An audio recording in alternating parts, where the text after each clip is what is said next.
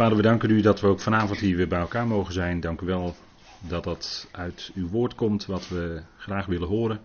Dank u wel dat het bijzonder is, Vader, in al die mensenwoorden die we elke dag horen, horen we ook uw woord. En dat is van het allergrootste belang. We danken u dat het woord ons licht geeft. En dank u wel dat de psalmist dat al wist. Uw woord is een lamp voor onze voet en een licht op ons pad. Dank u wel dat wij veel meer licht dan de psalmist zelfs mogen hebben, omdat we het evangelie van de apostel Paulus hebben mogen leren kennen. Vader, dat is enorme genade die u ons heeft gegeven en we willen ook vanavond van die belangrijke facetten kennis nemen en verder daarin verdiepen, Vader. Misschien aansluitend bij wat we al mogen weten. Dank u wel dat u ons daarin wilt leiden. Geef wijsheid in het spreken, in het luisteren, door uw geest geleid. Vader mag het zijn tot opbouw van het lichaam van Christus. En bovenal tot lof en eer en verheerlijking van uw grote naam. We danken u dat u zo deze avond ons daarin nabij wil zijn. En we danken u in die machtige naam van uw geliefde zoon. Amen. Goed, ik wilde graag met u lezen uit Filippenzen 2 om te openen vanavond. En dat is uh, Filippenzen 2. En dan zijn we aan het volgende stukje inderdaad nu gekomen. Vorige keer hebben we vers 9 tot en met 11 eigenlijk wel afgerond. En dan gaan we nu verder met, van hoofdstuk 2, vers 12 tot en met 18. En dat wil ik graag met u lezen. Daarom, mijn geliefden, zoals jullie altijd gehoorzamen, niet alleen bij mijn aanwezigheid, maar nu veel meer bij mijn afwezigheid, werkt je eigen redding met vrees en beven uit. Want God is het die in jullie zowel het willen als het werken voor zijn welbehagen bewerkt. Doet alles zonder gemor en doorredeneringen, opdat jullie onberispelijk en zonder arglist kinderen van God worden, smetteloos te midden van een krom en verdraaid geslacht, waaronder jullie schijnen als lichtbronnen in de wereld, op het woord van het leven achtslaand, mij tot roem in de dag van Christus, dat ik mij niet te vergeefs, dat ik niet te vergeefs liep, noch mij te vergeefs inspande, maar ook al ben ik als drankoffer bij het offer en de bediening van jullie geloof, ik verheug mij en ik verheug mij samen met jullie allen. Nu doet hetzelfde en verheugt jullie en verheug jullie samen met mij. Tot zover deze versen. En vanavond willen we in het bijzonder stilstaan bij vers 12 en 13. Daar zullen we echt niet verder komen. En dat is een bekend onderwerp. Het willen en het werken. En als we het in de context bezien, dan hebben we het net gehad over de gezindheid van Christus Jezus. Het voorbeeld ook van Christus Jezus. Zoals u weet kent deze brief vier grote voorbeelden van mensen die gelovigen waren en die voor ons als voorbeeld gesteld worden. En uh, dat zijn vier voorbeelden waarvan Paulus zegt: Word mijn navolgers, zoals ik Christus navolg. En natuurlijk hebben we het grote voorbeeld net met elkaar besproken, heel uitgebreid. Christus Jezus zelf, hè, in zijn gezindheid, ootmoedigheid. En dat zou onze dienst en onze wandel karakteriseren. Hè, ootmoedigheid. Dat is een beetje de context. En de andere voorbeelden, daar komen we nog op. Dat is Timotheus, Epaphroditus en Paulus, hè, naast Christus Jezus. We hebben vier grote voorbeelden van wie we de wandel en het dienstbetoon en de gezindheid uh, navolgen mogen navolgen. En dan zegt u misschien, ja, als ik dat zo op me afkrijg, dan zegt u, ja, maar dat kan ik helemaal niet. Nee, dan zijn we precies aan het goede adres vanavond, want daar gaan we vanavond dan over nadenken. uh, het willen en het werken. Want het willen en het werken, ja, waar komt dat vandaan? Kunnen wij dat zomaar zelf? Of uh, hebben wij een vrije wil? Daar wil ik ook nog even bij stilstaan. Hebben wij eigenlijk een vrije wil? Of is, ligt dat anders volgens de schrift? Hè? Nou, we willen dat uh, met elkaar gaan bekijken. En dan is het eerste woord, en we letten natuurlijk op elk woord, daarom. En dat knoopt natuurlijk aan bij het voorgaande gedeelte. Dus we hebben in gedachten wat we besproken hebben op heel wat avonden inmiddels. Het voorbeeld van Christus Jezus, met name zijn gezindheid, dat hebben we in gedachten. Zijn dienstbetoon, u weet het, de positie die hij innam was niet mijn wil geschieden, maar uw wil. Hij wilde slechts spreken wat hij van vader hoorde. Hij wilde niet zijn eigen wil doen, maar hij wilde de wil van de vader doen. Dat is het voorbeeld voor ons. Hè? Dus dat is gelijk heel praktisch voor ons dagelijks leven. Waarin we uh, gewend waren misschien vroeger om onze eigen wil helemaal in te vullen. En uh, we, we, meenden dat we precies deden wat we zelf wilden. Nou, dat is tot op zekere hoogte maar waar hoor. Dat is tot, maar tot op zekere hoogte. Maar goed, daar gaan we vanavond bij stilstaan. Daarom, en dat is gelet op Christus Jezus en wat Hij bewerkte. U ziet daar die woorden die u kunt vinden in Jeruzalem, de Via Dolorosa, hè, dat is Latijn voor de Leidensweg. En uh, nou ja, goed, daar heeft de Heer, dat, dat wat je dan loopt in Jeruzalem, daar heeft de Heer dus niet gelopen. Want Jeruzalem is verwoest geworden daarna in het jaar 70 en is eh, diverse keren ook weer opgebouwd. Dus er liggen allemaal puinlagen overheen. En gids heeft ons wel eens laten zien, als je dan heel erg naar beneden keek ergens. Dan was je al ondergronds hoor, maar dan keek je nog heel erg naar beneden. En zag je daar geplaveide straat. En dat was dan 2000 jaar geleden. Daar had de Heer dan mogelijk kunnen lopen. Dus daar was de echte Via Dolorosa. Maar dit, is, eh, dit staat dan in Jeruzalem en dat is dan iets waarin je zou kunnen denken, zo zou het eruit hebben kunnen zien toen hij daar wandelde, toen hij daar liep. Hè. Juist ook het laatste, toen hij het kruis op zich droeg, of eh, Simon van Cyrene tijdelijk. Uh, die enorme lijdensweg, het is heel erg diep gegaan. Hij heeft niet zichzelf gehandhaafd. Hè. Hij heeft zichzelf juist leeg gemaakt. En hij, als, toen hij mm, als mens, hè, in de gelijkenis van een mens is gekomen, heeft hij zichzelf verootmoedigd, staat er. Dus we hebben, we hebben nadrukkelijk gekeken naar dat twee keer zichzelf. En dan was het zichzelf leegmaken, zichzelf verootmoedigen. Dat is voor ons het voorbeeld. Hè? Dat, dat wil dus zeggen dat wij niet langer onszelf handhaven. Of als ik het woord willen daarbij invoeg. Wij willen niet langer onszelf handhaven. Wanneer wij in de gaten krijgen wanneer tot ons doordringt uit Gods woord wat Hij gedaan heeft voor ons. En wat God door Hem gedaan heeft. En wat Gods kracht is. En hoe nietig wij zijn. Als je dat gaat leren over jezelf in het licht van Gods woord, dan ga je langzaam maar zeker dat besef krijgen, ja, maar uh, ja, uh, ik, ik wil niet uh, mijzelf langer handhaven, net als de Heer. Nee, ik wil mij dienend opstellen. Ik wil niet heersen, ik wil dienen, de ander. En dat is moeilijk. En, dat kan een, en als gelovige, als je die weg gaat, hè, de, de, de weg of de loopbaan, hè, zoals de Heer ook een loopbaan had in zijn geloof, zo hebben wij ook een loopbaan in ons geloof. En dan gaan we met de Heer op weg, of de Heer gaat met ons op weg. En dat kan soms heel diep gaan. Dan kan je fases in je leven hebben waarbij het lijkt alsof alles je uit handen geslagen wordt. Alsof je hele leven op zijn kop staat. Dat er enorm aan de boom van je leven wordt geschud. Nou, u kent waarschijnlijk zo'n fase wel uit uw leven. Dan heb je zelf niks meer te vertellen hoor. Wat denk je als een burn-out toeslaat in je leven? Wat denk je ervan? Als je op de bank ligt en je kan gewoon helemaal niks meer. Je wil uit de boekenkast het boek pakken, maar je kan niet eens van de bank afkomen. Wat denkt u ervan dan? Van zoiets? Nou, dan heb je niet veel meer te vertellen hoor. En je kan ook geestelijke burn-out krijgen. Dat je geen idee meer hebt van welke kant moet ik nu op. Links, rechts, vooruit, achteruit. Ik weet het helemaal niet meer. En dan kan je alleen nog maar, misschien uitroepen naar de Heer: Heer, help mij. En de Heer helpt dan ook hoor. Want hij hoort elk gebed. Ook dat gebed van misschien maar drie woorden.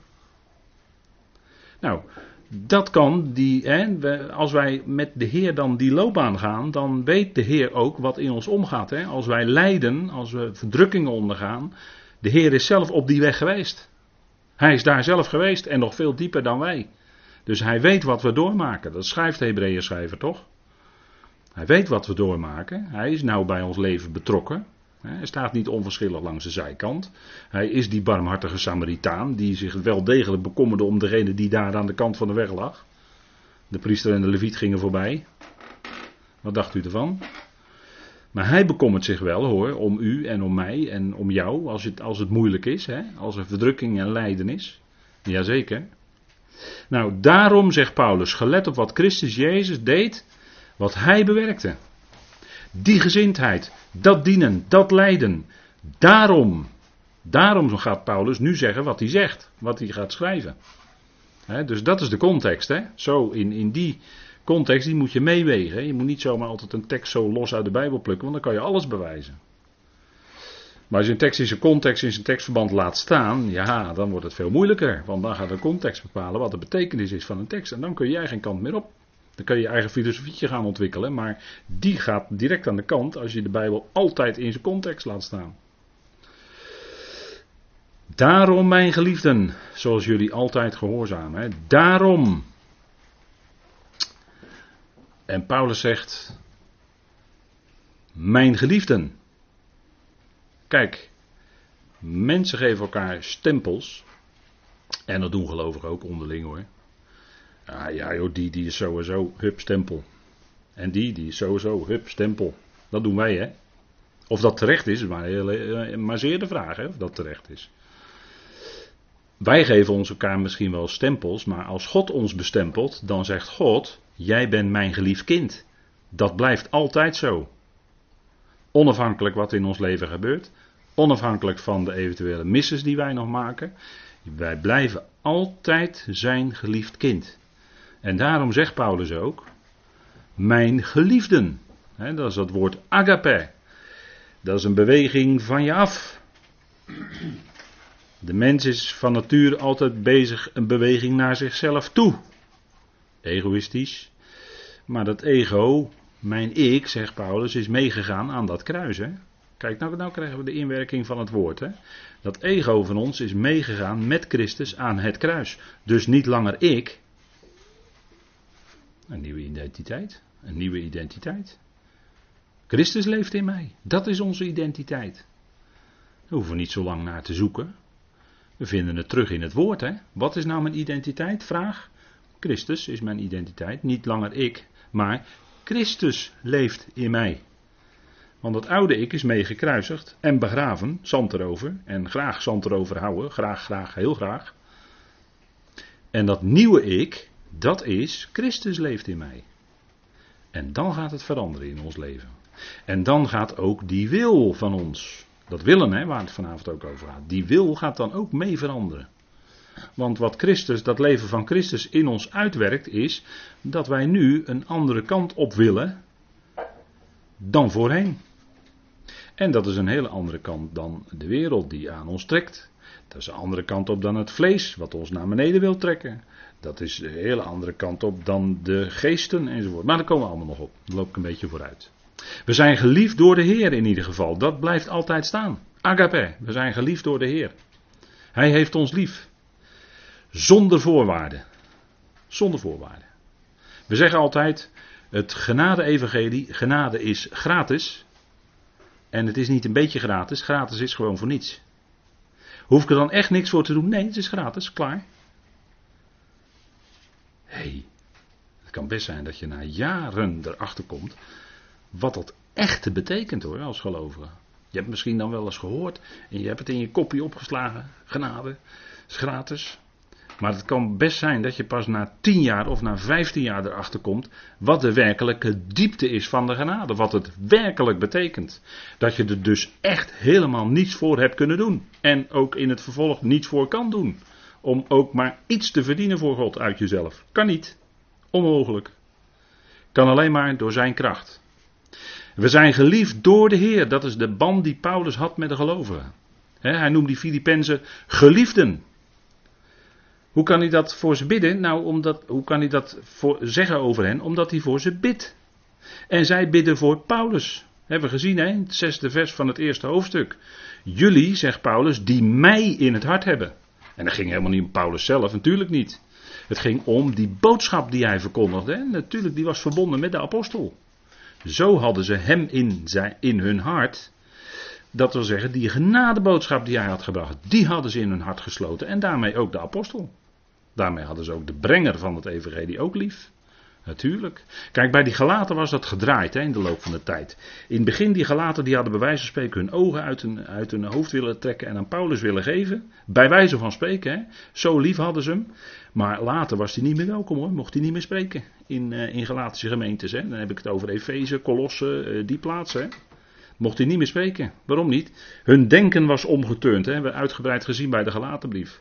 Toen, toen werd die liefde heel dun, of die was er misschien zelfs niet meer, of het was misschien zelfs wel vijandschap geworden. Want zelfs in hoofdstuk 4 gebruikt Paulus dat woord, hè? vijanden, vijand geworden. Maar met die Filippenzen, die hadden Paulus uit eigen beweging, zonder dat hij er ooit om vroeg, hadden ze hem ondersteund. Nou, dat was geweldig. Dat daaruit bleek welke band ze hadden met die apostel die door God aangesteld was. En met dat evangelie wat hij spreekt. Een band van Paulus met die gelovigen. Mijn geliefden. Nou, dat is een mooie, mooie aanzet zo in deze brief. En dan zegt Paulus, zoals jullie altijd gehoorzamen. Die gemeente die stond in de goede richting. die stonden in de rij, om het zo maar te zeggen. En dan denk ik aan dat woord onderschikken. Als ik het heb over het woord rij, dat heeft in het Grieks te maken met het woord onderschikken. en als jij je niet onderschikt, dan stap je uit de rij.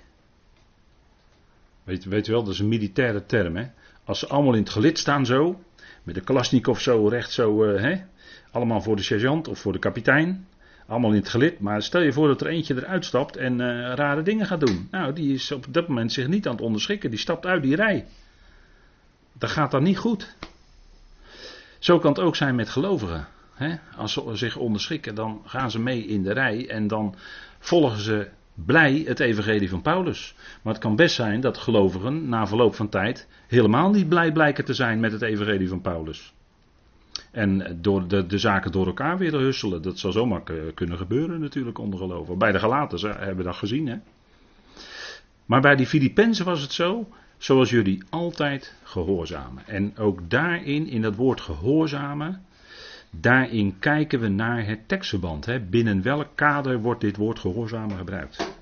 Binnen het kader van het evangelie van de genade. Kijk, bij Sinaï, bij Israël was het zo, je moet.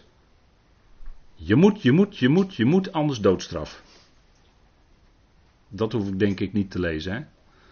Exodus, bij de wetgeving, de tien woorden, daar staat het ook al in. Maar we zouden de boeken Leviticus en Deuteronomium erop na kunnen slaan. En dan zouden we talloze voorbeelden kunnen noemen in de wet waar de doodstraf op staat. Hè?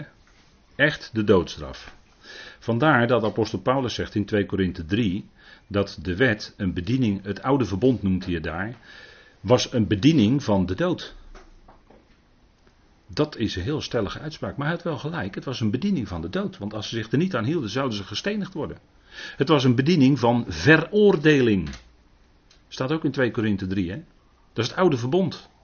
Het verbond van de letter in stenen gegrift.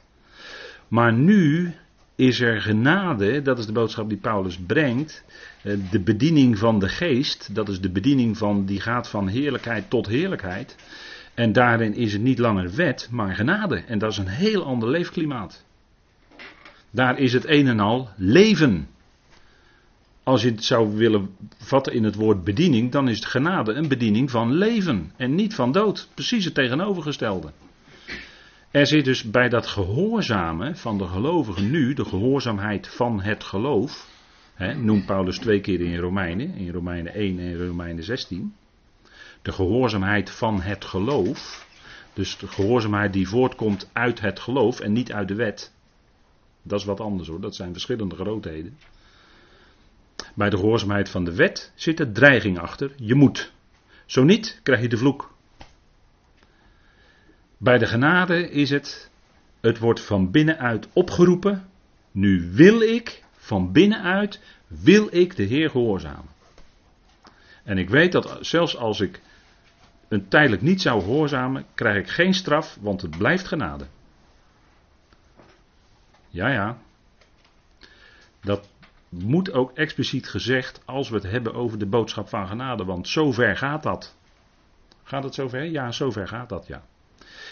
Ja, maar dat is gevaarlijk als je dat zo zegt. Ja, maar dat is ook precies wat de genadeboodschap uitwerkt. Dat mensen gaan roepen dat dat gevaarlijk is.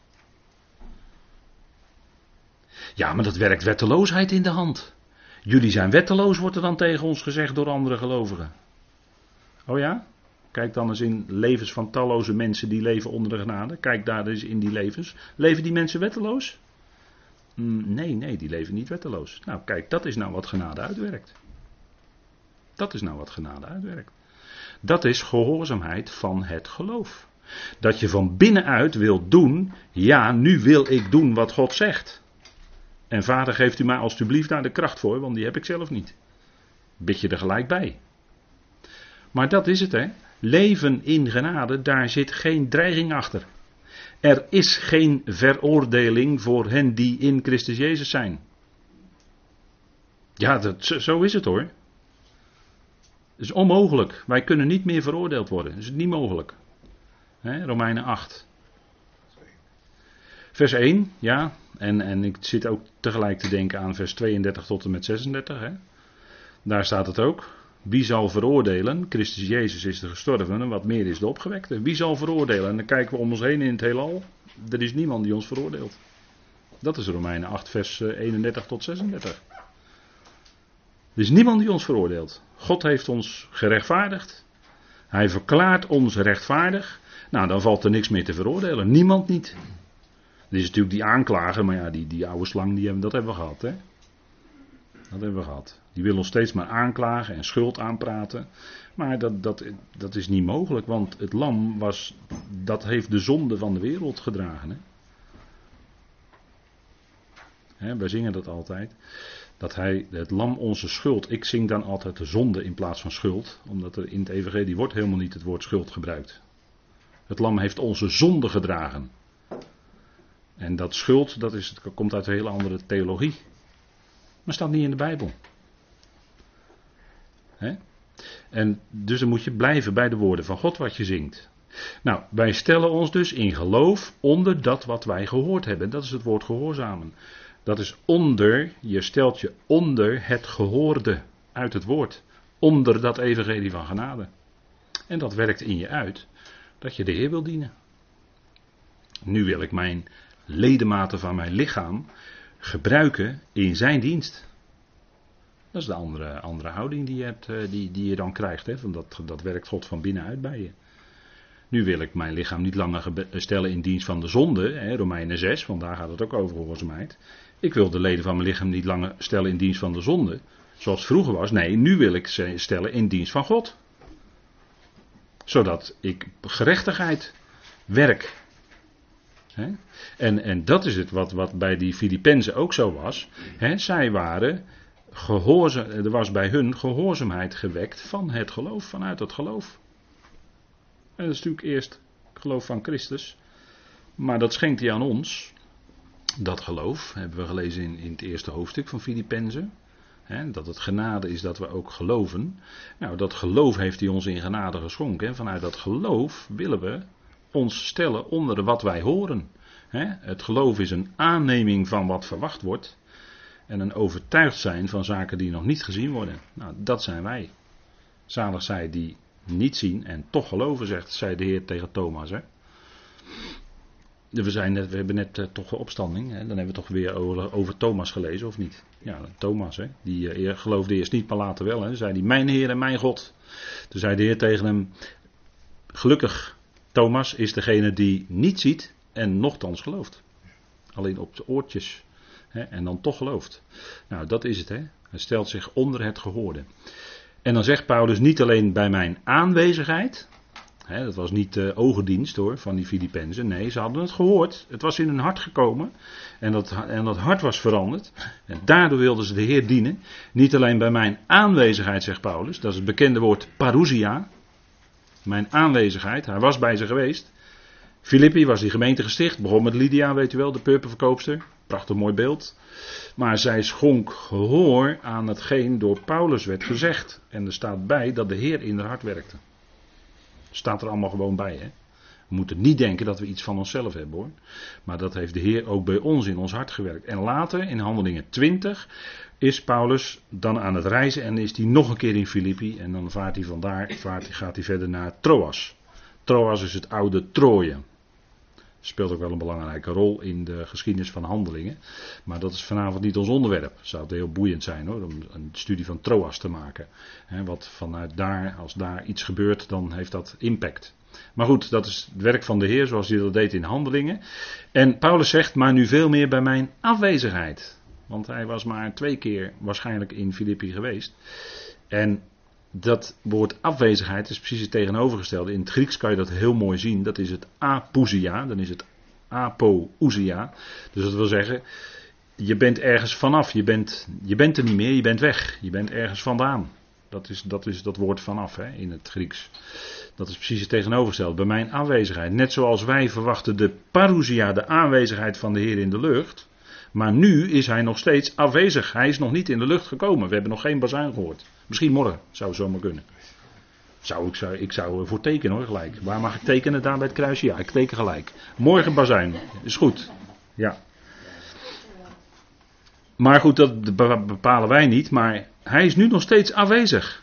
Maar zijn aanwezigheid, dat zal een geweldig moment zijn. Dan worden wij veranderd en dan zullen we al diegenen die ons ontvallen zijn weer zien. Al diegenen die in Christus ontslapen zijn, alle leden van het lichaam horen erbij. Die zullen dan verenigd worden. Nou, dat is natuurlijk een geweldig moment. De Heer kijkt er naar uit. Daar ben ik van overtuigd. De Heer kijkt er naar uit. Hij is het hoofd. En hij wil niets liever dan met zijn hele lichaam verenigd zijn. Nou, wij kijken er ook naar uit. Ons hoofd gaan ontmoeten in de lucht. Hè, dat lijkt me toch een geweldig moment hoor. Dat we hem mogen zien. Nou, dat is. Maar die, die Filippenzen die gehoorzaamden en dat bleven ze doen, ook toen Paulus weg was gegaan. Dus het was geen ogendienst van, uh, nou alleen maar als de apostel het ziet wat ik doe, dan doe ik mijn best. En zodra die weg is, uh, is het afgelopen. Weet u wel, dat is echt heel menselijk. Hè? Gaat in, uh, nou ja goed, ik ga verder niet over de, over de situaties uitweiden. Maar dat gebeurt onder mensen. Ik denk dat het voldoende herkenbaar is als ik het zo zeg. Maar zo was het bij de Filippenzen niet. Die waren echt geroepen door de Heer, door de prediking. En of Paulus er nu wel of niet was, het maakte helemaal niet uit. Ze dienden de Heer. En dan gingen ze mee door. En dat was het hè, geweldige wat hij zei. En zo waren ze bezig als een soort, uh, bijna als een soort werkpaarden. Want Filippi betekent eigenlijk paardenliefhebber. Hè? De naam Filippi betekent eigenlijk paarden, paardenliefhebber. Maar ze waren bezig en ze waren actief. En Paulus had diverse dingen over hen gezegd. In hoofdstuk 2, hè, het begin daar zag Paulus een aantal dingen. Hè? Bemoediging van liefde, gemeenschap van geest, mededogen en medelijden. En dan zegt hij, maak dan mijn vreugde compleet. Dus toch was er nog iets niet wat helemaal compleet was bij die Filippenzen. Want dan zegt Paulus, doordat jullie eensgezind zijn, dezelfde liefde hebben, één van ziel, op één ding gezind, niets doen uit tweedracht of uit eigendom, maar in ootmoedigheid elkaar superieur aan jezelf achten. Dus kennelijk was ook bij die Filippenzen, hier en daar ritselde er toch wel wat op de achtergrond. Hè? En dat heb je natuurlijk in allerlei gemeentes, is dat ook dan van een afstandje lijkt het allemaal heel leuk, maar ga maar eens inzoomen en ga maar eens even zo praten. En dan merk je vanzelf dat er overal waar mensen zijn, overal in allerlei gemeentes, daar heb je, ja, daar heb je die dingen van, ehm, ja, dat het toch niet altijd helemaal eensgezindheid is. laat ik maar heel voorzichtig zeggen. Uh, die liefde, dat ontbreekt wel eens. Mensen, nou ja, gaan wel eens op elkaar ziel staan, hè? één van ziel op één ding gezind, ja, dat is ook niet altijd. Want je hebt in gemeentes vaak toch, uh, ja, ja, daar heb je dat mensen soms een groep willen andere kant op. Hè. Die willen naar de, naar de, naar de, baptisten, die willen liever uh, in water dopen. Of anderen willen gaven, gaven van de geest, die willen dan een gaventest en zo. Dat heb je in kerken, in groepen, dat, dat hoor je zo allemaal om je heen. Er is allerlei wind van leren, dat gaat steeds maar rond. Dus bij die Filippenzen was kennelijk ook niet helemaal. Hè. Er waren natuurlijk ook allerlei invloeden van buitenaf. En ja, er waren misschien een aantal sterke figuren die, eh, ja, nou, u weet wel hoe dat gaat. Hè. Maar Paulus zegt op één, één van ziel, hè, dat die geest innerlijk uitwerkt, zodat ze ook één van ziel zijn. Dat het ook echt naar buiten toe komt. Vanuit die ziel, hè, dat willen, dat kunnen, denken, voelen enzovoort, dat daarin ook een stukje eenheid merkbaar is op één ding gezind. Want wat draait het nou om bij een gemeente? Een gemeente zou zijn, en dat heb ik wel vaker gezegd, een pilaar en fundament van de waarheid. Dus die, in de gemeente zou die waarheid van God, dat woord van God, bovenaan staan. Om dat te leven, en maar ook om dat uit te dragen, te bewaren, uit te dragen naar buiten toe dat, dat, is, dat is wat je bij die, die ook heel sterk zag. en bij die Filippenzen was er ook flink van, wat van aanwezig. die geest werkte in hen en het werkte zich uit in de ziel, zodat ze ook daadwerkelijk naar buiten traden en die boodschap naar buiten brachten. dat is wat, ja, dat is wat de apostel natuurlijk graag wilde zien. Vrees niet. Want dat is het volgende punt wat hij noemt. Werkt je redding uit. En dat is met vrees en beven, hè, staat er dan. Want ja, dat zou je ook zomaar een verkeerde gedachte bij kunnen hebben. Met vrees en beven. En daarom heb ik toch even deze dia als eerste gezet. Vrees niet. En ik heb wel eens gezegd, maar dat was in overname van iemand anders. Ik had het nooit zelf helemaal gecheckt. 365 keer zou het in de Bijbel staan, maar dat schijnt toch niet zo te zijn. Maar het staat wel vaak in de Bijbel. Vrees niet. En dat zei de Heer bij gelegenheid tegen zijn discipelen toen er een storm op het meer opstak. En zo kan het ook in ons leven stormen. En dan is het de Heer die zijn woord spreekt en die tegen ons zegt: vrees niet. Want het woord phobos is dat in het Grieks, we kennen dat wel in het Nederlands als het woord fobie, angst. dat mensen angst hebben, fobieën hebben voor iets. Eh, bijvoorbeeld mensen die uh, besmettingsfobie hebben, smetvrees noemen we dat. Die wassen wel honderd keer per dag hun handen. En die maken dan elke keer de klink van de deur maken ze schoon als er even iemand aangeweest is. En dat soort dingen allemaal. Dan heb je smetvrees.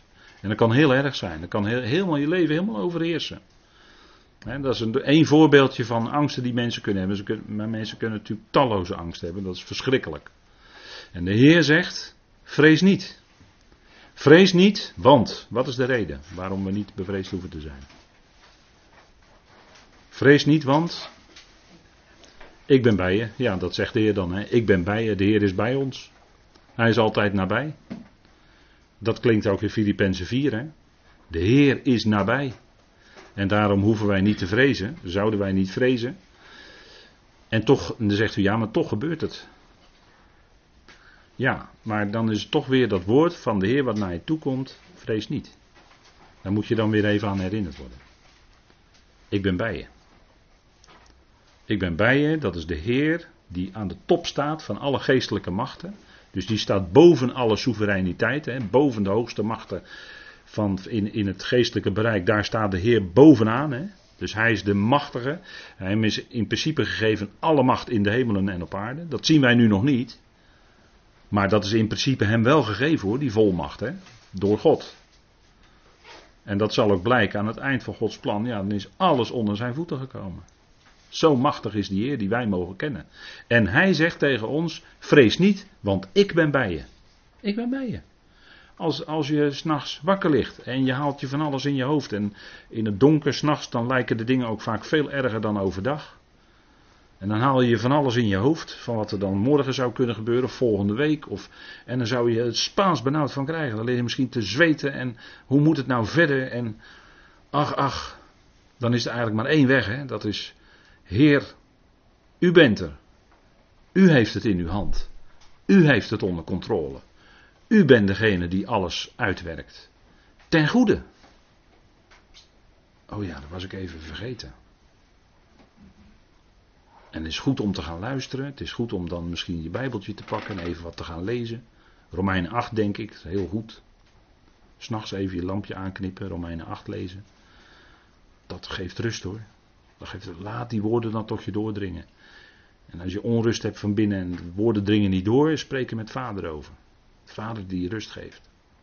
En het is geen automatisme dat je dan direct rustig wordt, maar laat die woorden van God dan binnenkomen en, en laat het, besef het. Vrees niet. Geweldig hè, dat de Heer dat tegen ons zegt. En dat staat zo vaak in Gods woord. Hè? En, het wordt ook tegen Israël gezegd als ze onder druk stonden. Hè? Ik zal voor jullie strijden, zegt de Heer. Ik zal voor jullie strijden. Jaren geleden was er een Bijbelstudie geweldig in de strijd. Dat was ook een geweldige Bijbelstudie. Want daar leerden we dat niet wij geweldig hoeven te zijn in de strijd. Nee, hij is geweldig in de strijd en hij strijdt.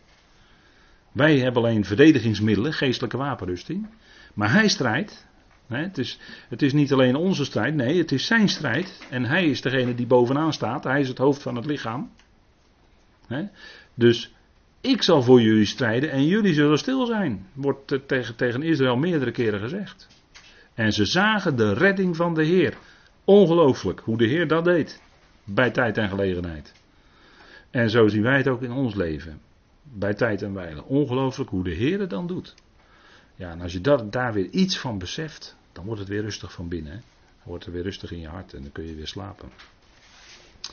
Kijk, wat, want Paulus zegt, kijk, effectueert, dat is eigenlijk de vertaling die als u een NCV-app, zorg dat je hem hebt, die app, NCV Bijbel-app, als u die heeft, dan leest u daar in de vertaling effectueert je redding. Want die vertaling hebben we inmiddels aangepast. De vertaling was, zoals we die in ons boekje hebben, werkt je eigen redding met vrees en beven uit, maar dat hebben we aangepast in effectueert. Dat wil zeggen, maak die redding effectief in je leven. Jouw eigen redding, daar gaat het hier om. Hè? Je eigen redding. En bij dat woordje eigen, ik heb het hier op de dia overgenomen, ziet u heel klein staan ZI. Dat staat ook in de concordante vertaling erbij. Dat betekent dat er eigenlijk staat zichzelf. Dus zichzelf. Jouw eigen persoonlijke redding. Hè? Niet het hele lichaam van Christus alleen wordt gered. Maar dat geldt dus ook voor u en voor mij persoonlijk. Die redding is ook individueel. Die is niet alleen collectief, het hele lichaam, maar ook individueel. Ieder lid van het lichaam van Christus betreft het effectueert je eigen redding, en zegt Paulus, met vrees en siddering. Maar dat is niet een angst voor God vanuit een schuldbesef, zoals het helaas, helaas bij veel kerkelijke mensen het geval is. Helaas. ben ik erg, vind ik erg verdrietig dat dat zo is. Want die kennen vrees en siddering, maar dat heeft met hele andere dingen te maken. Dat heeft met angst voor, voor eeuwig er niet bij zijn te maken en dat soort zaken. Maar die angst, die hebben wij niet, want wij weten wat Paulus zegt in Romeinen 5 bijvoorbeeld, dat alle mensen door het werk van Christus gerechtvaardigd worden. Rechtvaardiging ten leven wie? Alle mensen. Nou, dat is dus iedereen incluis, hè? dat is inclusief allen dat is all, we houden altijd van all-inclusive vakanties. Hè? All-inclusive. Dan hoef je verder niks meer te regelen, heb je voor alles betaald. Hoef je geen eten te koken elke dag en drankjes enzovoort. Alles, alles kan je gewoon, alles all-inclusive. hotel en uh, zwembad en uh, noem alles er maar bij op. De zon is uh, niet all-inclusive, want ja, er is wel eens een wolkje. Maar all-inclusive, dat geldt wel als het gaat om de redding van die hele mensheid. Dat is all inclusive hoor. Kijk, in Adam allen sterven, maar in Christus allen levend gemaakt. Alsjeblieft. Kijk, dat is evangelie, dat is goed nieuws. Dus een vrees en angst, vrees en siddering zoals helaas kerkelijke mensen hebben. Dat is bij ons weggenomen. En dat is genade van de Heer hoor, dat hij dat weg heeft genomen. Dat is genade. Dat hij ons heeft gegeven dat we dit, deze dingen mochten gaan verstaan. Dat is genade. En velen helaas kennen dat niet en hebben vrees en siddering voor de toekomst. Want dan komen ze en dan zijn er allerlei voorstellingen, verschrikkelijk, die niet bijbels zijn, helaas. Maar deze vrees en siddering, wat is dat? Nou, hier gaat het om jouw eigen redding. En wat is nou onze eigen redding? Nou, dat kun je onder andere samenvatten in dat je staat in genade. Dat is je redding. We zijn gered in genade. Er is dus geen veroordeling mogelijk. Dus we hoeven niet vrees en siddering te hebben voor welke vorm dan van veroordeling dan ook. Dus daar zit het ook niet in. We zijn voorbij alle mogelijke veroordelingen. Wij komen niet voor de grote witte troon. Daar zijn we aan voorbij. Dat is, een, dat is voor ons een. Uh, misschien staan we aan de andere kant van de grote witte troon. Dat zou wel kunnen. Maar dat is een heel ander verhaal. Dat is een heel ander verhaal. Maar dat is ook niet onze vrees en siddering. Hè? Kijk dus, want je moet die woorden volgen dus die Paulus zegt van effectueert je eigen redding. Even realiseren weer, je eigen redding is in genade. Het is genade-evangelie. Dat is dus niet iets van dat jij iets moet verdienen. Hoe zit dat dan met vrees en siddering? Dan vraag je je af, hè. Als je de Bijbel leest, vrees en siddering, hè, hoe kan dat nou? Bij Paulus, spreekt hij daarover? Hoe kan dat nou? En we, we worden toch niet veroordeeld? Nee, dat klopt. Dus daar komt het niet vandaan. Kijk, we hebben vier voorbeelden. Daar begon ik mee vanavond. Hè. We hebben vier voorbeelden. En dat zijn vier hele fijne voorbeelden hoe het evangelie uitwerkt. Hè, met name Timotheus, Epaphroditus en Paulus. Bij mensen zoals u en ik. Hoe dat evangelie zich uitwerkte. Dat zijn voor ons geweldige voorbeelden. En dan is het ook voor ons werk in uitvoering. Want kijk, vanaf het moment dat wij geroepen worden, gaat de Heer ons ook gebruiken in zijn dienst. Werk in uitvoering. Maar dat zijn die werken. Weer even Efeze ernaast leggen, dat doe ik regelmatig, omdat Efeze, Filippenzen volgt op Efeze, het onderwijs. In Efeze staat dat wij wandelen in de werken die God tevoren gereed gemaakt heeft. In die werken, maar wel degelijk werken. En dat is niet alleen nu, maar dat is ook straks te midden van de hemelingen. Dan helemaal hoor. Dan gaan we nog eens flink aan de slag. Ja, ja. Dan is het werk in uitvoering, hè, zoals u op deze dia ziet. Werk in uitvoering. En dan is hij, net zoals nu, is ook hij die het dan bepaalt. Hè. Hij leidt, hij is het hoofd. Hij leidt met EIDT. Hij leidt, dat is degene wat het hoofd doet hè, van het lichaam. Die zet de lijnen uit en straks helemaal te midden van de hemelingen, als dat hele lichaam van Christus, ja, dan gaat hij al die lijnen van het hele lichaam van Christus uitzetten, wat die allemaal gaan doen te midden van de hemelingen. En dat is eonen lang. Totdat het plan voltooid is, totdat die laatste hemeling ook figuurlijk dan de knieën buigt en de tong ook beleidt dat Jezus Heer is. Dan is het voltooid, dan is het, dan is het werk van de gemeente zit er ook op. Dan is het plan voltooid. En dan zal God worden alles in allen. Nou, vrees en siddering. Waar komt dat vandaan? Kijk, dat woord, hè, dat heeft alles te maken met het woord namelijk. Met het woord van God. Wij hebben dat woord van God leren kennen. En dat woord voor is, is, wordt steeds meer voor ons in ons leven bepalend.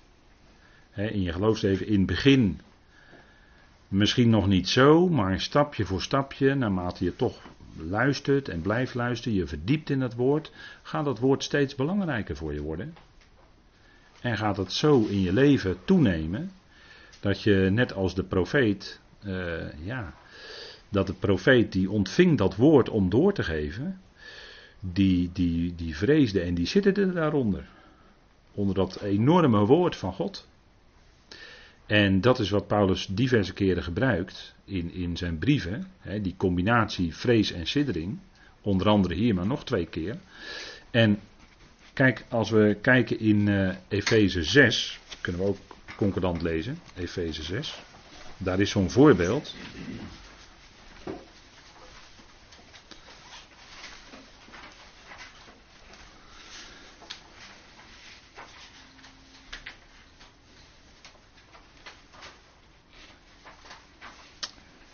En dan zien we even direct ook een stukje praktijk voor ons als gelovigen. Een stukje praktijk. Efeze 6, vers 5. Daar staat slaven. Tegenwoordig spreken we natuurlijk over werknemers. Gehoorzaamt jullie heren naar het vlees met vrees en beven. In onverdeeldheid van jullie hart als aan Christus. En wat is dat vrees en beven? Dat is dat je het als gelovige wil je het zo goed mogelijk doen. Slaven, gehoorzaamt jullie heren naar het vlees met vrees en beven. En op een andere plaats zegt Paulus, eh, ik meen dat het in Titus is, eh, dat, dat de slaven, dus de werknemers, zouden eh, op de plaats waar zij gesteld zijn, doen wat hun gevraagd wordt, zonder tegenspreken. Moet je deze tijd omkomen? Dan hebben we vakbonden, dan gaan we op barricades en wordt alles ter discussie gesteld wat er gezegd wordt. Hè. Moet eerst eens een uurtje, uurtje vergaderen over of we het wel zo moeten doen zoals de baas het zegt. Zo gaat het eh, wel eens hè, tegenwoordig. Schiet niet echt op dan. Want in dat uur, als we met, met tien werknemers een uur zitten vergaderen, is tien keer een uurloon. Hè? Tien keer een uurloon. En aan het eind van het uur moet het toch gewoon gebeuren, waarschijnlijk zoals de baas het aan het begin van het uur al had gezegd. En is wel uur over gekwekt. Ja, tien uurlonen. Ja, zo denkt een baas. Hè? Maar kijk, een gelovige die zou met vrees en beven in onverdeeldheid van jullie hart. Dus er zit geen dubbele bodem in. Onverdeeld, hè? Het is niet om uh, dat je goed je best gaat doen, dat je later uh, graag uh, in een goed baantje wil komen, dat je promotie wil maken. Zo niet. Maar het is omdat je een gelovige bent en diegene die boven jou gesteld is op dat moment, die, de, je bent in die situatie gekomen. En wij zien het als gelovigen zo, ik, ik, hoop ik, dat diegene die dan boven je gesteld is als baas, dat dat degene is die de Heer boven jou stelt op dat moment. En is het eigenlijk een beetje alsof het de Heer zelf is, zo, hè, die baas. En dan, dan, dan staat er ook met vrees en beven, ja, dan wil je echt je uiterste doen om het goed te doen. Niet om promotie te maken, niet voor meer salaris, maar gewoon omdat je het goed wil doen, omdat je van de Heer bent en, en voor de Heer eigenlijk goed wil doen. Dat is het motief dan voor ons. Hè? Dat, is geen, dat is geen verdeeld motief, maar dat is een onverdeeld hart. Je wil het gewoon zo goed mogelijk doen. Dat is vrees en beven. Hè? Dat heeft niks te maken met, met veroordeling of wat dan ook. Nee, vrees en beven is, je wilt het van binnenuit zo goed mogelijk doen. bij wijze van spreken, bijna met vrees en beven. En, en dat is wat Paulus hier ook in Filippenzen 2. je eigen redding uitwerken, dat is nu niet alleen ook in je dagelijkse werk in een baan. Maar dat is natuurlijk in alle facetten van je dagelijks leven. In alle facetten. Zo je leven inrichten, zo je leven doen in al die situaties waarin we zijn. Met vrees en beven, met vrees en siddering. Vrees, eh, vanuit het Hebreeuws, kennen we dat woord wel. Want het startpunt van de wijsheid is. Wat is het begin van de wijsheid? Het startpunt van de wijsheid is. Ja, de vrezen des Heren. Nou, dat woord vrees, dat heb ik hier op deze dia gezet. Dat is het woord uh, yara. En het eigenaardige is dat die drie Hebreeuwse letters, die stam, hè, Hebreeuwse woorden, die, hebben, die bestaan uit twee, een stam van twee of drie letters. Maar deze drie letters die hebben ook te maken met stromen Alleen dan moet je het iets anders uitspreken. Maar dat heeft te maken met die puntjes en die tekentjes waar ik het een keer over had. Hè, die Mazoreten. Dat is in de 8e, 9e eeuw. Bij het meer van Tiberias waren allemaal Mazoreten. Die hebben allemaal puntjes en haakjes en dingetjes toegevoegd aan de Hebreeuwse tekst. Maar die stonden oorspronkelijk niet. Maar die zijn toegevoegd vanwege de overlevering hoe het uitgesproken werd. Maar dat is, dat is niet zeker. Zeker is de oorspronkelijke Hebreeuwse tekst zonder al die tekentjes. En daaruit eh, kun je dan moeilijk herhalen of dat een ander woord betreft. Maar als het drie precies dezelfde letters zijn en die staan ook nog in dezelfde volgorde, dan hebben die woorden echt heel erg met elkaar te maken. En het woord stromen is, ja, ik heb net gezegd jara, misschien moet je dat uitspreken als jere of jire. En het heeft ook iets te maken met onderwijzing. Kijk, het woord stroom komt terug in, in het woord Jordaan. Dat is Jarat, Jordaan. Dat is de stroom. Die komt vanuit uh, het gebergte en dat stroomt zo naar beneden. He, dat is de gedachte. En dat is ook het onderwijs van God. Dat komt ook van God van boven naar beneden. Dat stroomt. Dat is de gedachte in het woord Torah. Want daar is dat woord Torah is hier ook van afgeleid. Dus dat heeft allemaal met elkaar te maken. Dus die, vrees van Yahweh is het startpunt van de wijsheid. Dat heeft alles te maken met die stroom van onderwijs die bij God vandaan komt. Kijk, dan maak je verbinding, als ik het zo zeg, maak ik dus verbinding tussen die verschillende facetten van het Hebreeuwse woord. Dat zit er dus allemaal in. En daar heeft het alles mee te maken, want dat woord, dat is hetgeen waarvoor wij vrees en siddering hebben. In die zin, wij achten dat woord zo hoog, dat wij er niets aan willen toevoegen en we willen er ook niets van afdoen. En we willen iedere letter volgen waar het geschreven staat. En op die plaats ook laten staan. Daarom willen we ook in de vertaling de woordvolgorde, zoals die in het Grieks is, zoveel mogelijk aanhouden. Omdat het de woordvolgorde is die God heeft bepaald toen hij zijn woord liet opschrijven. En dat we daar zo nauwgezet mogelijk mee omgaan. En dat het heel lang duurt voordat er weer een stukje vertaald is. Ja, dat komt omdat we heel erg zorgvuldig willen zijn. Dat heeft te maken met vrees en siddering voor dat woord. Dat we dat zo nauwgezet willen doorgeven. Zoals het bedoeld is. Er moet geen ruis op de lijn komen. Hè? Als het gaat om Gods woord moet er geen ruis op de lijn komen. Hè? U weet wel die ruis van... Uh, Uh, ja, dat, dat, uh, ja dat, dat staat daar allemaal wel. En dan weet u de rest wel, hè. Komma. En dan komt er een woordje van vier letters. En dan komt de ontkenning. Ja, dat staat er nu wel, maar. En dan gaan we onze eigen invulling eraan geven. Of dan gaan we het tegenspreken, of we gaan doorredeneren. En dan gaan we net zo lang totdat onze idee erover, totdat onze mening erover prevaleert ten opzichte van wat er werkelijk staat geschreven. Terwijl wij het graag willen houden bij, dat staat er. En het punt is, hè, dat, dat als je dan iemand hoort, dan, ja, soms dan heb je dan zoiets, dan denk ik van, ja, maar dat staat daar niet. Dan wordt er over gesproken, er wordt iets over gezegd, predikant of weet ik wie. En dan denk ik, ja, maar dat staat er niet. Dat staat er niet. Dan geef je dus een draai aan de schriften. En dat is wat ernst, dat neemt God hoog op hoor, in de, in de schrift zelf. Dat we zouden die schriften niet verdraaien. En dat is helaas heel veel gebeurd. En dat verduistert het beeld op God, dat beeld van God, dat verduistert het zicht op God, het verduistert het zicht op zijn Christus. En we weten natuurlijk wel dat het werk van de slang is, natuurlijk. Die begon er al mee in Genesis 3. Genesis is het eerste boek, kan je een hoop van leren hoor.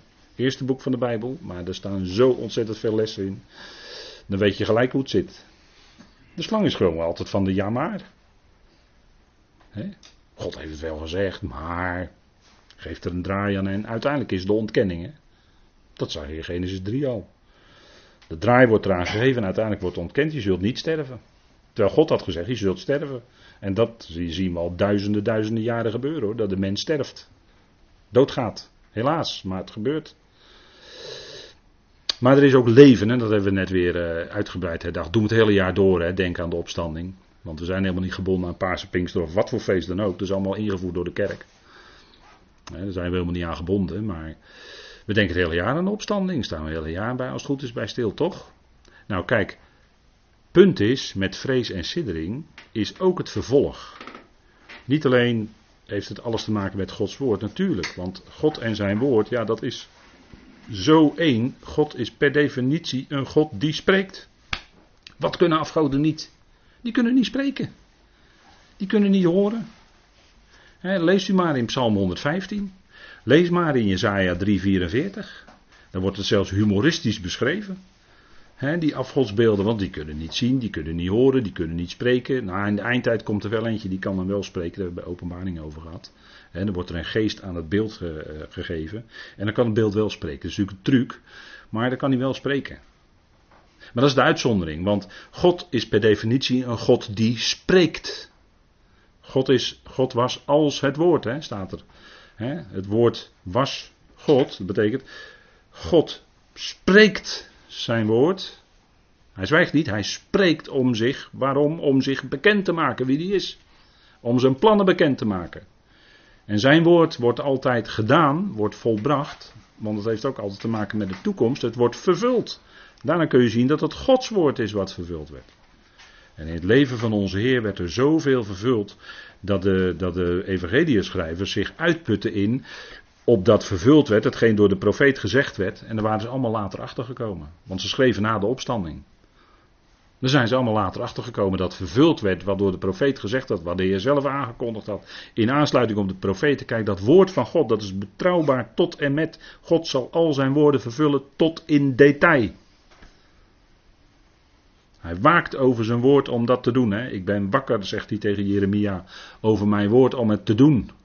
Het is niet alleen een woord, maar het is ook een daad, een dabar. Het, hij doet ook wat hij zegt.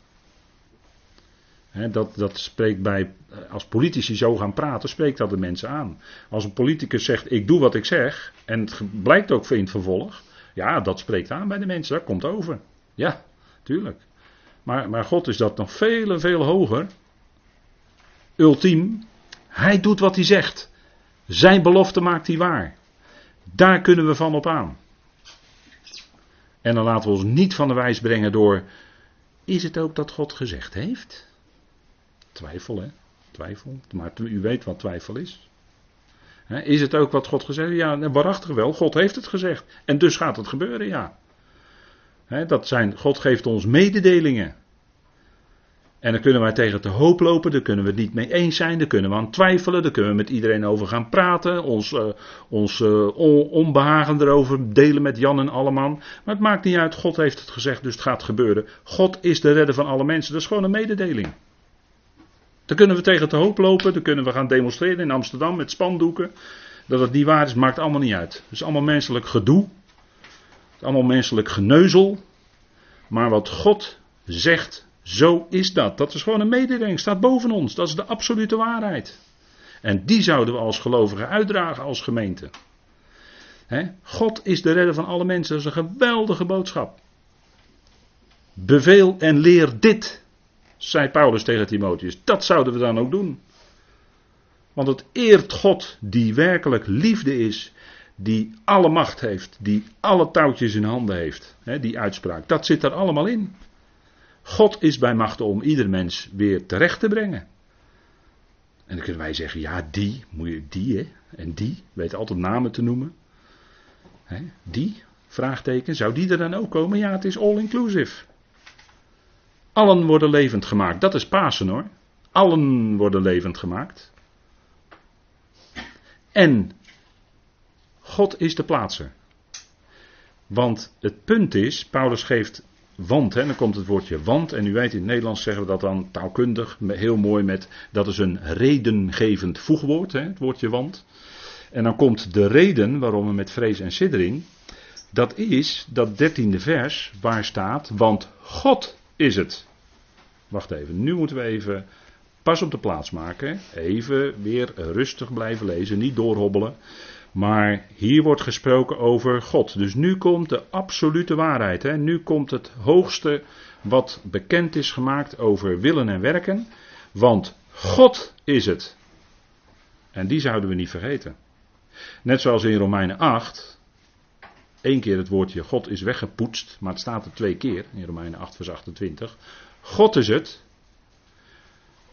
Hè, voor degenen die God lief hebben die weten dat God het is die alles bewerkt in overeenstemming met de raad van zijn wil. Of eh, die alles doet samenwerken ten goede, sorry. Zij die volgens Gods voornemen geroepenen zijn, die God lief hebben, die weten dat God het is die alles doet samenwerken tot het goede. Kijk, dat zijn gouden uitspraken die een absolute waarheid uitdrukken, die dat blijft waar. En in onze ervaring kunnen we daar moeilijk mee hebben. Kunnen we emoties hebben. Kunnen we door diepe dalen gaan of hoog op de bergtop zitten. Hemelhoog juichend om toen tode betrübt, hè, zeggen de Engelsen dan. Uh, de Duitsers, hè, sorry. De Duitsers, ja. Dat zeggen de Duitsers dan. Ja.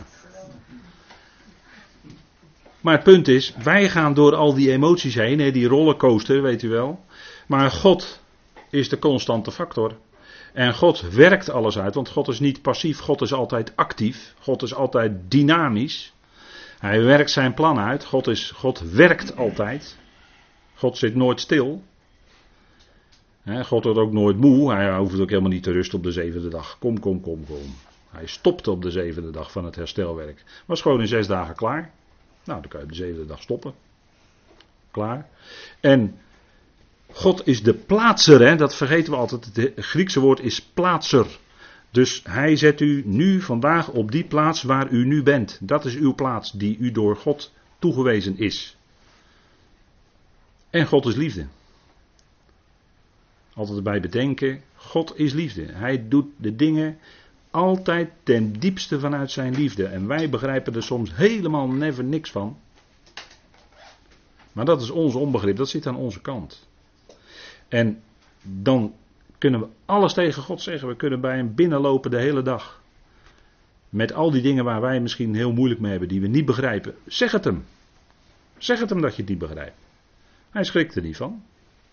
Maar hij overziet de hele weg in uw en jouw en, persoonlijk, en mijn persoonlijk leven. Hij overziet de hele weg. Je zit nog in het proces. Hè, en vandaag is het moeilijk. Ja, je bent er nog niet. Je bent er nog niet. Maar we komen er wel. En dat lijden, dat is er vandaag nog, jazeker. En dat is moeilijk. Maar je bent er nog niet, want het lijden is nog niet voorbij, dus we zijn er nog niet. Maar dit lijden gaat een keer voorbij, daar gaat een keer een einde aan komen. En dat is de zegen die God in zijn woord ons meegeeft. Dat lijden is, Paulus zegt zelfs, de lichte last van de verdrukking van een ogenblik. Dat zegt Paulus, hè? 2 Korinthe 4. Dus dat zijn niet mijn woorden, maar dat citeer ik alleen maar. Maar dat bewerkt, het werkt wel iets uit, het bewerkt voor ons een eonisch zwaar gewicht aan heerlijkheid. En dat kunnen we pas dragen als we dat heerlijkheidslichaam hebben straks. Dan is het lijden ook voorbij. Als we dat heerlijkheidslichaam hebben ontvangen, een gebouw uit God, uit de hemelen, dat is dat heerlijkheidslichaam, dan is ook het lijden voorbij. En dan zullen we die heerlijkheid ook kunnen dragen, want anders zou het veel te zwaar voor ons zijn. Zouden we niet kunnen verdragen. Maar daarvoor krijgen we ook een aangepast lichaam. Om die heerlijkheid te kunnen dragen, onder andere, maar ook om te boven te midden van de hemelingen te kunnen zijn zonder ruimte pakken, zonder raket. Daar hebben we ook dat heerlijkheidslichaam voor nodig, toch? Omdat we in een andere omgeving zijn, moeten we aangepast worden. Dus we krijgen een heel ander lichaam waarmee we wel te midden van de hemelingen kunnen zijn. God is de plaatser. Hij zet ons op de juiste plaats. Ja, en dat is misschien een periode waarin we nu leven van inderdaad vrees en beven, vrees en siddering, maar dat is voor zijn woord. We hoeven niet angstig te zijn voor God, want Hij heeft ons lief. En die vergeten we niet, hè? want we zijn zo snel geneigd om te vergeten wat God doet en dat God bezig is. Maar die vergeten we dan niet. Hè? Paulus herinnert er ons weer aan, want God is het. En God vergeet ons sowieso nooit. Hebben wij misschien wel eens twijfel, maar dat is onze ervaring weer. Hè? Ja, mijn gebeden komen niet verder dan het plafond. Een koperen hemel. De hemel lijkt wel potdicht te zitten. Ik ervaar er niks van. Nee, maar dat neemt niet weg dat God jou helemaal niet vergeten is.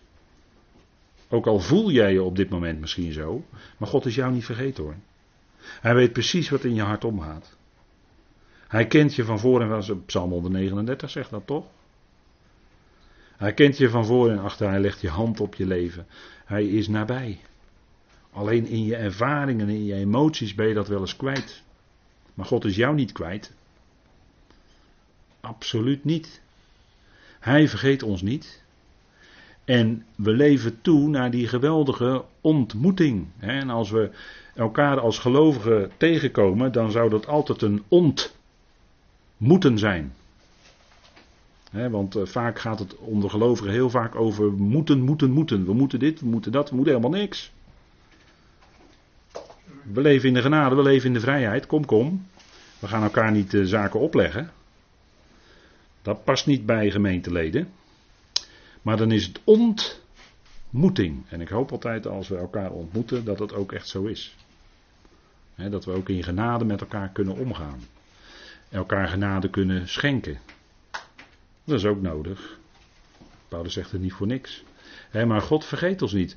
En dat is voor ons de factor vrees en beven. Want we hebben, met wie hebben we te maken? Met God. De schepper van hemel en aarde. De God die alles in zijn hand heeft. De God die vanaf het begin het einde overziet. De God die vanaf het begin het einde verkondigt zelfs. Die zal al zijn welbehagen doen. Staat allemaal in Jezaja. Hij zal al zijn welbehagen doen. Met die God hebben we te maken. Ja, als dan een beetje vrees en beven, dat is, past ons wel hoor, als schepselen. Kleine nietige schepseltjes tegenover die enorme grote God.